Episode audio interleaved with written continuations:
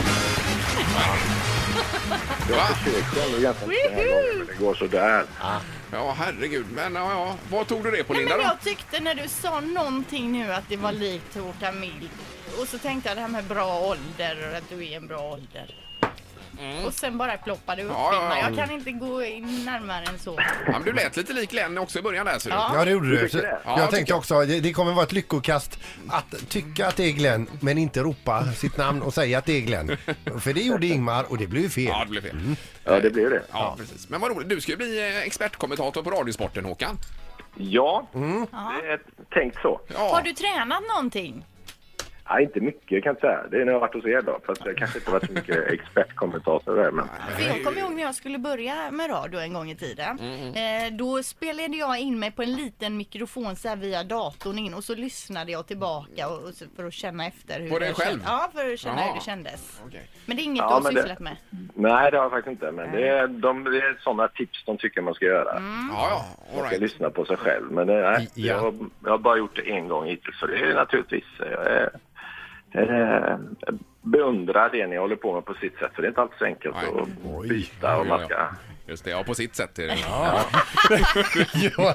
Men du, har det, har det hänt att du har suttit eh, själv och kollat på en fotbollsmatch hemma och provkommenterat? Nej, det måste jag erkänna att det har jag inte gjort. Nej. Nej. Men när börjar du med detta, Håkan? Då? Är det nu nära förestående? Nej, jag har gjort, eh, gjort en match hittills. Så får vi se hur mycket det blir. Det vet jag inte riktigt. Nej, nej.